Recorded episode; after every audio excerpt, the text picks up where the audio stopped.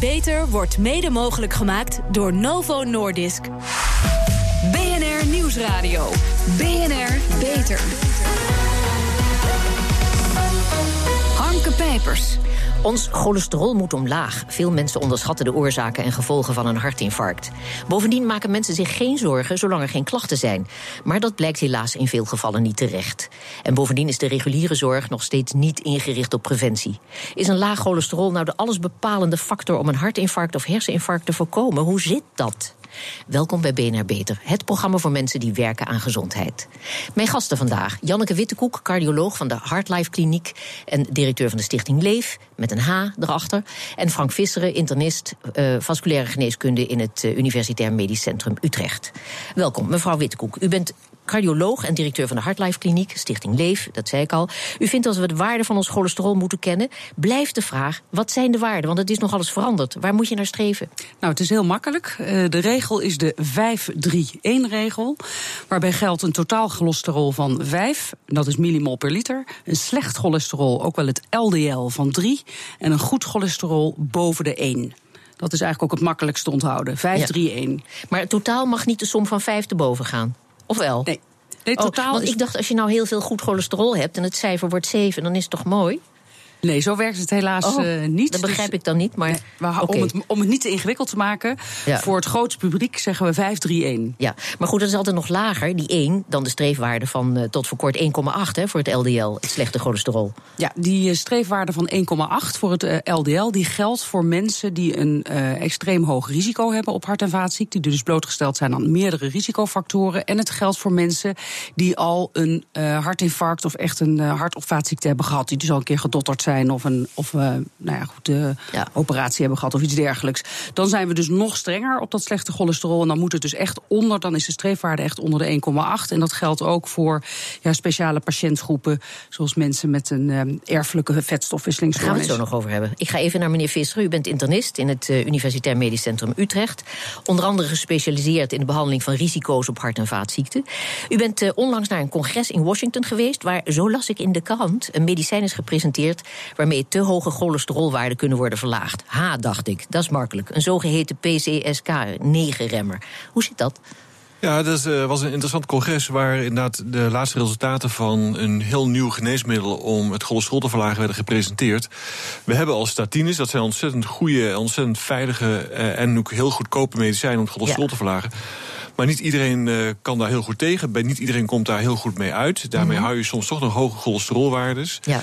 En daar lopen in de praktijk toch regelmatig tegenaan. En dat mensen dus toch nog steeds een hoog risico hebben om het krijgen van een, van een vaatprobleem of van een nieuw vaatprobleem.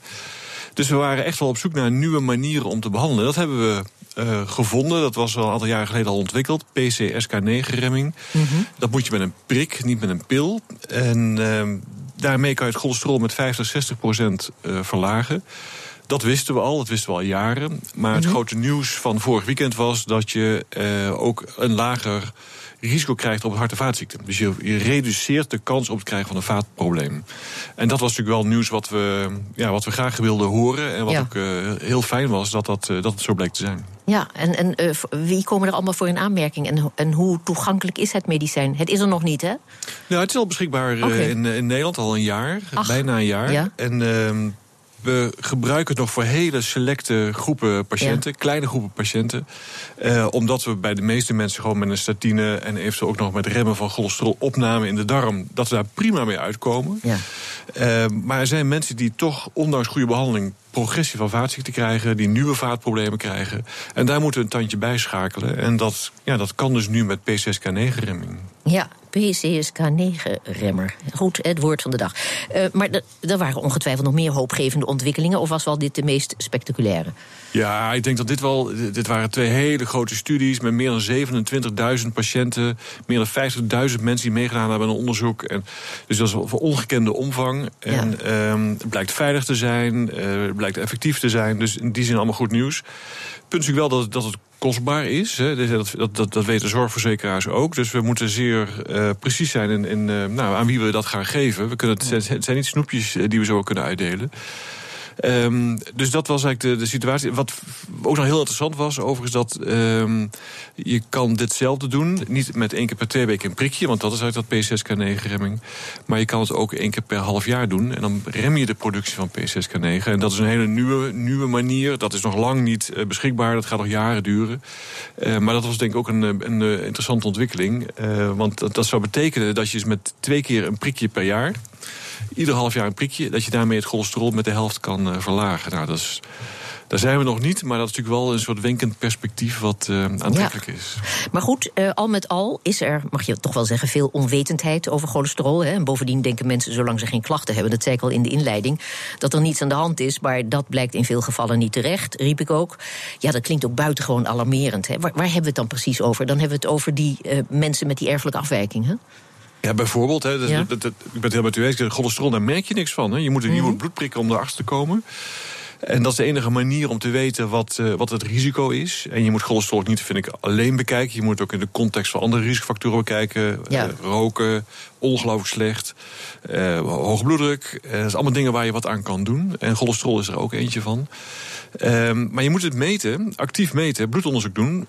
om erachter te komen hoe de stand van zaken is. En dat maakt het ook best wel ingewikkeld. Want als je het niet meet, dan weet je het ook niet. Ja.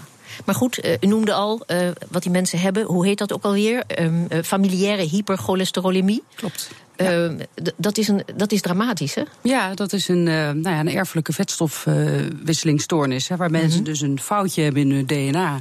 En daardoor uh, niet goed dat, uh, dat cholesterol weer opnemen, waardoor het verdwijnt in de vaatwand. Nou, we weten, het is een, uh, het is een stille ziekte. Dus met hele hoge waarden van dat LDL-cholesterol ja, slippen langzaam je vaten dicht. En die mensen onbehandeld hè, met FH, die niet behandeld worden op tijd, die hebben een ja, veel hogere kans om heel vroeg het hartinfarct te krijgen. Vaak al op het dertigste levensjaar.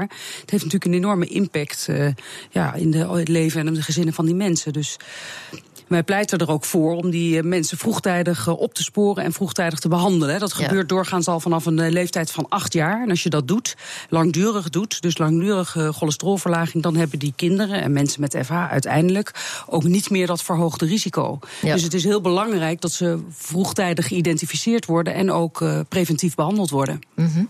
Ja, want wat staat mensen met FH mogelijkerwijs te wachten? Een vroeg hartinfarct. Ja. He, dus dat. Uh, en, en, en vroeg, waar hebben we het dan over?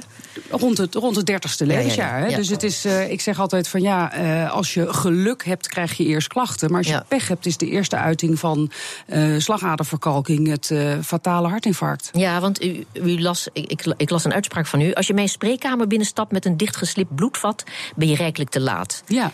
En bovendien had dat voorkomen kunnen worden. Ja. Ja. Maar hoe dan, denkt iedereen? Hè? En, en, moet iedereen, ook al voelt hij zich fit, is dat nou de boodschap? Uh, ook al heeft hij een gezonde leefstijl, moet hij dan toch naar de huisarts? Die ziet je nou, aankomen. Kijk, ik denk dat uh, even, als we even afgezien van de uh, mensen met familiaire hypercholesterolemie, want mm. ik denk dat daar echt een actief opsporingsprogramma voor op zijn plaats is, wat we overigens ook jaren hebben gehad. Maar als je het hebt over de, laten we zeggen, de doorsnee bevolking, denk ik dat we veel eerder moeten beginnen met het identificeren van risicofactoren. Ja. Dus de factoren die bijdragen aan dat proces van aderverkalking. Cholesterol is daar een van. Je bloeddruk, je, je suikergehalte, glucose. Dus uh, het inventariseren van risicofactoren op jongere leeftijd, dat is stap 1. En dan kun je, hoe jonger je bent, hoe meer tijd je hebt om dat te beïnvloeden met leefstijl. Ja. En als er toch ook nog een erfelijke component in zit, of als het echt extreem hoog is, ja, dan komen die medicijnen in, uh, in beeld. Kijk, ik vind het altijd een beetje frustrerend dat als die mensen inderdaad mijn spreekkamer binnenstappen met dat dichtgeslipte bloedvat, dan gooi ik er vijf pillen in en dat vindt iedereen normaal. Terwijl als ik ze eerder identificeer met dat verhoogde risico, omdat die factoren niet op orde zijn, ja, dan uh, wil ik graag die medicijnen eventueel ook eerder kunnen inzetten om dat hartinfarct ja. te voorkomen. Mm -hmm. En dat is een probleem. Nou ja, goed, dat is, uh, de, de, de zorg in Nederland is op, op dit moment nog wel zo ingericht dat je pas naar de dokter gaat als je klachten hebt. En ja. dat is voor een uh, ziekte zoals uh, atherosclerose, die zowel het hart als de hersenen als nou ja, de andere vaten kunnen aantasten, is dat vaak te laat. Ja. En we hebben meer dan 100 jaar wetenschap om dat proces te kunnen beïnvloeden. En toch gaan we zitten wachten op klachten. En dat vind ik gek. Ja, is dat ook uw frustratie, meneer Visseren? Dat preventie levert dus niks op. Ja, het levert een heleboel op, maar het telt niet mee. Ja, kijk, we zijn uh, als dokters, zeker in het ziekenhuis, zijn wij heel erg getraind en ingericht om in actie te komen als er problemen zijn. Ja. En als het ergens uh, voorkomen is beter dan genezen, als dat ergens geldt, dan is dat wel in hart- en vaatziekteland. Uh, want als je een vaatprobleem hebt, een hartinfarct krijgt of een herseninfarct krijgt, dan loop je gewoon achter de feiten aan. Dan is er al onomkeerbare schade.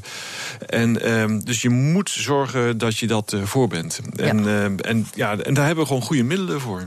Onze verslaggever Harma van der Veen, ja, die voelt zich prima, maar neemt het zeker voor het onzeker en ging vandaag naar de Heartlife Kliniek, waar hij meteen op de fiets werd gezet. Daar gaan we. Ik ben nu 42. Mijn vader heeft een hartinfarct gehad toen hij 43 was. Is dat iets wat interessant is voor jullie? Ja, dat is wel belangrijk om te weten. Dat, dan heb je een positieve familieanamnese noemen ze dat. Dus heb je wel risicofactoren. Dus het is belangrijk om dan in de gaten te houden. Daarnaast is het dan belangrijk of je een hoge bloeddruk uh, hebt of niet. Hoe je cholesterol is. Of je klachten hebt uh, bij inspanning. En hoe ik een beetje leef, neem ik aan? Je leeft uiteraard. Of je rookt, drinkt. Of je veel beweegt of niet. Ja, hij werkte zich toen een slag in de rond en rookte zware check van Nelle. Dat was toen heel uh, normaal. Ja, dat is niet heel goed voor je hart. Nee, gelukkig weten we daar nu meer over. Je ziet alles er goed uit? Het ziet er nog steeds keurig uit, ja. Toch wel een opluchting, moet ik eerlijk bekennen. Ja, vond je het stiekem toch wel spannend? Ja, zeker in gedachten uh, ja. mijn vader is overkomen. Ja, dat begrijp ik. Nee. Kreeg zijn hartinfarct tijdens het fietsen ook nog eens. En had hij toen ook klachten van pijn op de borst? Ja, ja hij werd helemaal geel en wit en ging zitten. En zijn arm ging slap hangen. Zag eruit, uh, porselein. Uh, nou. Dat was allemaal niet zo leuk. Klassieke pijn op de borstklachten wat die mannen uh, aangeven, inderdaad. Precies, en toen had hij dus een hartinfarct. En je hebt nu geen klachten? Nee. Hartstikke goed. Nou, ik zie ook geen uh, rare dingen op je ECG. Dus het, vol, het allemaal nog volgens het boekje verloopt het. Het zou ook wel wezen als ik op de radio uh, er tussenuit knijp. Het is wel sensatieradio. Ja, dat is dan wel weer spannend. Ja. Gaan we niet doen. Ik uh, ben op zich nu, vind ik zelf, hard aan het fietsen. En wat doet mijn hartslag? Je hartslag is nog steeds uh, redelijk rustig voor de inspanning die je levert. Dus Oké. Okay. Teken van goede conditie, zoals ik al zei. Je hartslag is nu 100, uh, 119 en je fietst nu 180 watt. En je bent nu bijna 9 minuten aan het fietsen. Je bloeddruk is uh, nu 163 over 91. Nog steeds keurig voor de inspanning die je levert. 280 watt? Is dat zwaar? Oké. Okay.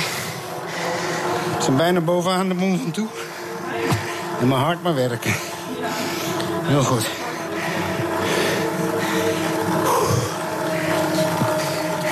Ah. Wow. Wat heb ik? Je hebt het record van de kliniek verbroken. Dat wilde ik even horen. Heel goed gedaan, knap. 360 watt heb je gefietst. Dankjewel. Zo. Terug naar de studio. nou, hè? Zo te horen heeft Harme van der Veen het prima overleefd. Het record fietsen binnenshuis verbroken. Ja, nu werd hij verwezen door onze bezorgde redactie vandaag. Maar hoe gaat dat normaliter? Zou hij door de huisarts zijn doorverwezen? En wordt dat vergoed door de zorgverzekeraar? Hoe zit dat? Nou, als hij uh, niet naar de huisarts gaat uh, omdat hij klachten heeft, wordt hij niet verwezen. Nee. He, en een, verwe een, verwijsreden kan wel zijn als er uh, veel hart-vaatziekten in je familie voorkomen op jonge leeftijd. He, en als er, als er dus sprake is van risicofactoren, die kun je gewoon laten meten. Ik vind ook dat dat gewoon moet kunnen. Um, en ja, Harme is, ook, is wat dat betreft ook het, precies zo'n voorbeeld waarvan we eerder deze week ook de krantenkop hebben gezien van slagaderverkalking op je 35ste. Ja. Deze jongen die komt uit een, uit een. heeft een vader die op jonge leeftijd een hartinfarct heeft gehad. Die ook, ja, 42 ja. jaar. Um, hij, je zag bij hem in zijn halsslagader al een beetje dat, dat hij een wat verdikte vaatwand had. En daarbij een verhoogd cholesterol. Hè. Dus ik hanteer die 50. Ook toch? Ik zei dat hij er goed uitkwam, maar. Nee, dus niet hij had die alle 531-regel. Hij zat op 751. Ik heb toestemming van hem om dit, om dit te zeggen. Oh, want hij ik, moet, ik, vroeg, ik vroeg mij dat net af. nee, ja, okay. dat mocht, dat mocht ja. ik vertellen. En hij, hij moet, dat is nu ook echt een voorbeeld van, nou, hij is zich daar nu heel bewust van. Hij gaat nu de komende maanden ook werken aan dat cholesterol. Harmen van der Veen gaat aan de slag. De waarheid over cholesterol is hard, dat begrijpen we nu. Wat moeten we doen? Wat moet er gebeuren om daar grip op te krijgen? Hoort u meer over na de reclame. BNR Nieuwsradio. BNR Beter. Over het voorkomen van hartfalen praat ik verder met Janneke Witkoek, cardioloog van de Heartlife Kliniek en directeur van de Stichting Leef. En met Frank Visseren, internist vasculaire geneeskunde in het UMC Utrecht. Ja, de manier om hartfalen te voorkomen, zeker als je erfelijk belast bent, is een bevolkingsonderzoek. Zo'n onderzoek is er geweest, dat wist ik helemaal niet, ooit geïnitieerd door Els Borst, hè? Klopt. vanaf 2003, hè? Ja, ietsje eerder, denk ik nog. Dus we hebben dat ruim 15 jaar uh, met behulp van uh, ja, eigenlijk subsidie van de overheid hebben we mensen met FH actief opgespoord. Ja, en dat is een heel succesvol onderzoek uh, geweest. Hè, met die familiaire hypercholesterolemie. Nog eventjes weer. FH. Ja, een succesvol onderzoek, vertel. Ja, want ik denk in die periode zijn ongeveer 10.000 patiënten opgespoord. Ja. En, uh, dus dat is, een, dat is, een, fantastisch succesvolle periode geweest. Uh, helaas is de financiering tot uh, stilstand gekomen. want en daarmee... het budget was op, begreep ik. Ja, ja dus er werd ook niet gerekend in de resultaten die het had, het leed en de complicaties die werden uitgespaard. Het was wel voor tien jaar toegekend. En oh, daarna moest er een soort ja, vervolg komen. En dat is maar ja, met, met, met, met horten en stoten tot stand gekomen. En je ziet ook dat de opsporing uh, in Nederland nu uh, ja, veel minder is dan in de periode hiervoor. Ja, ja dat is, is echt dramatisch uh, gedaald. Mm -hmm. Dus dat is echt.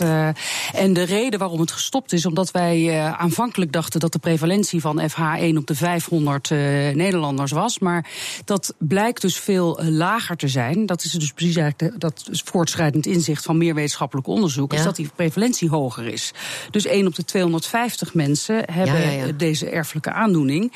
Um, waardoor wij toen het, uh, hele opsporingsproject werd gestopt, eigenlijk nog maar op de helft waren van het kon, in kaart brengen van de, van de, patiënten. Dus uh, ja, we hebben echt uh, de, de noodklok geluid om dat weer te herintroduceren. Want als je daar een kostenbatenanalyse op loslaat, dan is dat zo, nou ja, los van de kosten die je bespaart, hè, de hartinfarcten die je voorkomt door, en, het is belangrijk dat je ook vroegtijdig start met die behandeling. Want hoe later je begint, hoe, ja, hoe, hoe, hoe, minder effectief. Je moet echt al op die kinderleeftijd uh, gaan starten. Maar, maar dus hoeveel mensen zou, moeten er, lopen er nu nog rond die het niet weten?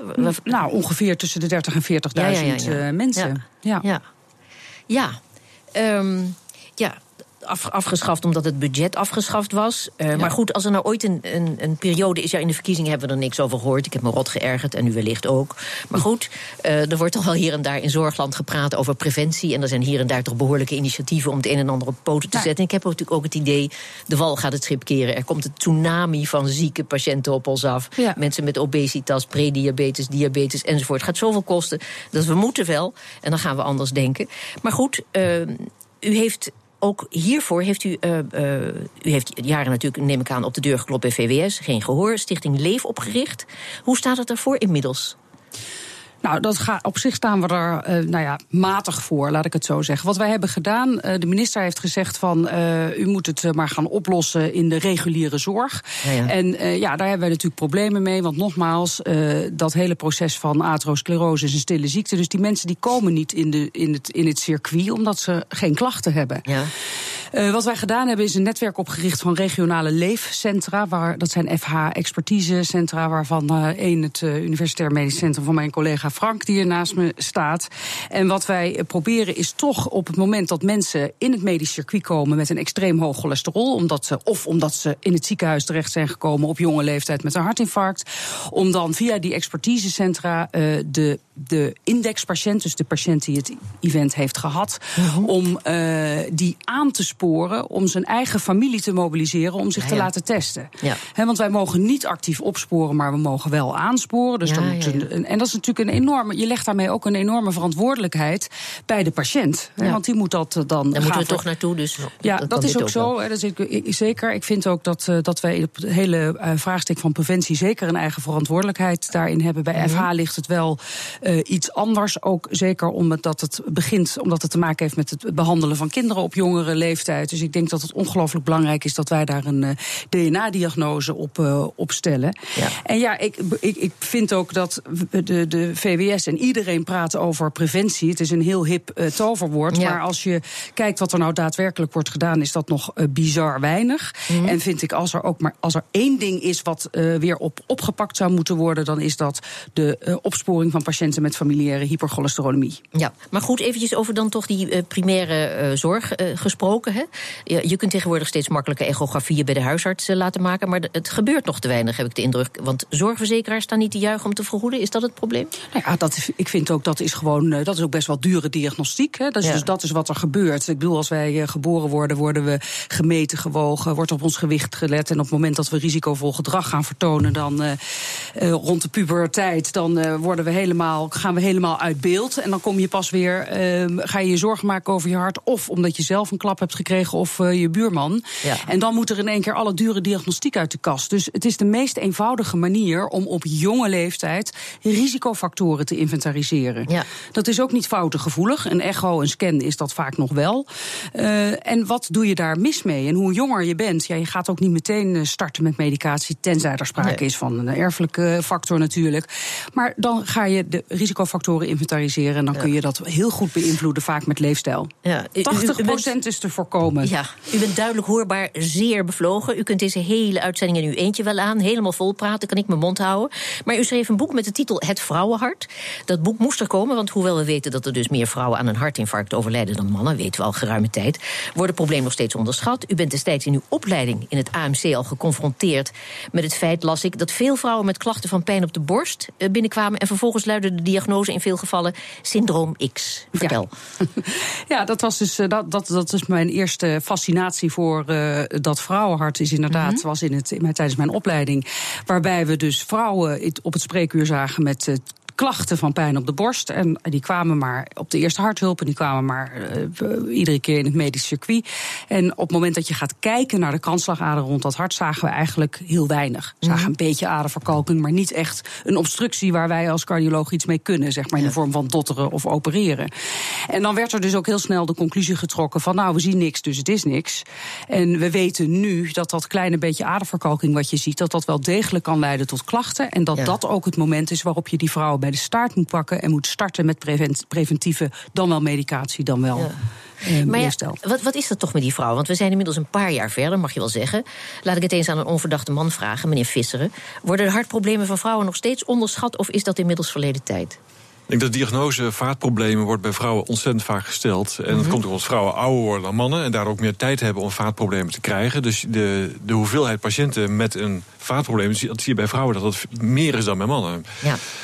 Um, en uh, het, uh, gelukkig worden vrouwen een groot deel van hun leven redelijk beschermd tegen krijgen van en vaatziekten. In, in, de, in de reproductieve fase hormonaal, ja. hormonaal be, ja. beschermd. Dus dat is, dat is goed nieuws. Maar je ziet na, na de menopauze zie je dat, uh, ja, dat ze mannen eigenlijk ja, bijhalen en zelfs inhalen. Ja. Um, en, en de diagnostiek. De natuur is buitengewoon vreed, heeft hulp nodig. De, Vrouwen de, in elkaar donderen, dus daar moeten we iets aan doen. De diagnostiek van is op zich niet zo ingewikkeld. Um, maar ja, voor vrouwen misschien net iets anders dan voor mannen. Het goede nieuws is alweer dat de behandeling weer heel erg hetzelfde is. Dus de medicijnen en de, en de strategieën die we hebben om hart- en vaatziekten te behandelen en te voorkomen, die zijn voor mannen en vrouwen gelukkig uh, hetzelfde. Maar ja. dan wel in lage doseringen. Ja. We weten ook dat vrouwen 60% meer kans hebben op bijwerkingen. En dat we dus uh, die vaak ook moeten starten, zeg ik dan altijd, met snufjesmedicatie en niet met die hele hoge doseringen waarmee we die mannen behandelen. Want dat leidt vaak weer tot meer bijwerkingen. Ja, maar nog eventjes, want uh, we hadden het over of er nu meer begrip is voor het vrouw, vrouwen voor, en, en het vrouwenhart. Maar ik las in uw boek ook een congres van 2016, waarin u voorstelde dat we toch inderdaad met uh, vrouwelijke proefdieren moesten gaan werken. Maar wat was de reactie van deze arts? Moet u toch even vertellen, sorry. ja, dus dat Erg. ik zei van nou wordt het in die tijd dat we al deze uh, onderzoeken die we in het verleden hebben gedaan op mannelijke proefdieren, dat we die eens even gaan herhalen bij vrouwelijke proefdieren. En toen zei hij echt met een stalen gezicht van ja, dat is goed, maar dan moeten we wel eerst de eierstok en de baarmoeder eruit halen. Want anders dan um, krijgen we niet. Uh, dan, anders dan schopt dat al die resultaten weer in ja, de war. Dus dat dus was een beetje missing the point. Er gewoon weer een man komen. Ja. ja. Zeg maar, u heeft dus die. Uh, uh, die eigen kliniek opgericht, de Hartlife Kliniek. Wat was de reden? Bood een academisch ziekenhuis u te weinig mogelijkheden? Uh, nou ja, misschien moet ik wel zeggen ja. Uh, ik, uh, ik heb toch wel een heel andere kijk op hoe we die zorg zouden moeten aanpakken. Ik ben veel meer gericht op dat stukje preventie. ik geloof veel meer in een goede tijdsinvestering ja. in het eerste consult. En dat je misschien daarna de monitoring op afstand kan doen. En dat ik uiteindelijk in mijn controlebezoeken alleen maar mensen krijg die ook ja, echt klachten hebben. En waar ja. ik ook direct mijn diagnostische test dan aan dus kan Dus geheel zoals nu moet, wat minder handelingen, wat meer op afstand bewaken enzovoort. Ja, en En ook veel meer focus op leefstijl. Ja. Zeg maar, de artsen nemen ze u serieus? Of verslijten ze u voor een zakkenvuller die vooral is bezig is om meer patiënten naar haar eigen kliniek te halen? Want ik las ook, dat heeft u ook dapper opgeschreven, dat er een klant bij u binnenkwam en met een verwijzing van een huisarts, maar die had, erbij, die had tegen haar gezegd: mevrouw Wittekoek, mevrouw Larikoek. ja, u heeft het boek goed gelezen. Dat doet mij deugd. Nou ja, ik onthoud de krentjes. Dus, nou, dat is, het, is een, een, een het is af en toe wel een tough road. Ik bedoel, ja. uh, je moet wel. ik bedoel, ik stond vorige week nog voor een groep met huisartsen. En ja, die zijn toch een beetje zo van: ja, zolang het geen richtlijn is en niet ergens ja, ja. heel duidelijk waar ze zich aan kunnen houden, dan vinden ze het gewoon heel lastig. Ja. Tenzij ze iemand zelf ook, in de familie hebben die op 30-jarige leeftijd precies, is overleden. We moeten toch meer richting die personalized medicine. Maar inmiddels heb ik mijn plek echt wel verworven in de medische wereld. En voel ik mij zeer serieus genomen. Ja. Tot slot, hoe zal de hartzorg er anno 2025 uitzien? Of als u zich niet aan een voorspelling waagt, hoe hoopt u dat die zorg eruit ziet? Meneer Visseren. Nou, ik hoop dat we veel meer uh, bezig zijn met het voorkomen van ziekte. En dat wij als dokters ook veel meer bezig zijn met uh, gezonde mensen en mensen gezond houden. En uh, op tijdig behandelen, tijdig opsporen is niet bedoeld om mensen het medische circuit in te krijgen. Dat is juist bedoeld om mensen uit de handen van dokters te houden. Ja. en daar is soms een pilletje voor nodig, soms ook niet. maar alles als doel om mensen gezond te houden. Ja. En dan nu kan ik niet meer vragen, maar ik weet al lang u erover denkt, mevrouw Wittekoek. We zijn aan het eind van deze uitzending. Goed, dat hele systeem moet op de schop. Hoera. Tot zover deze uitzending van BNR Beter. En op bnr.nl slash beter is deze uitzending terug te luisteren. We zijn ook op Twitter te vinden onder BNR Lifestyle. Dus heeft u tips voor ons? Laat het ons weten. BNR Beter wordt mede mogelijk gemaakt door Novo Nordisk.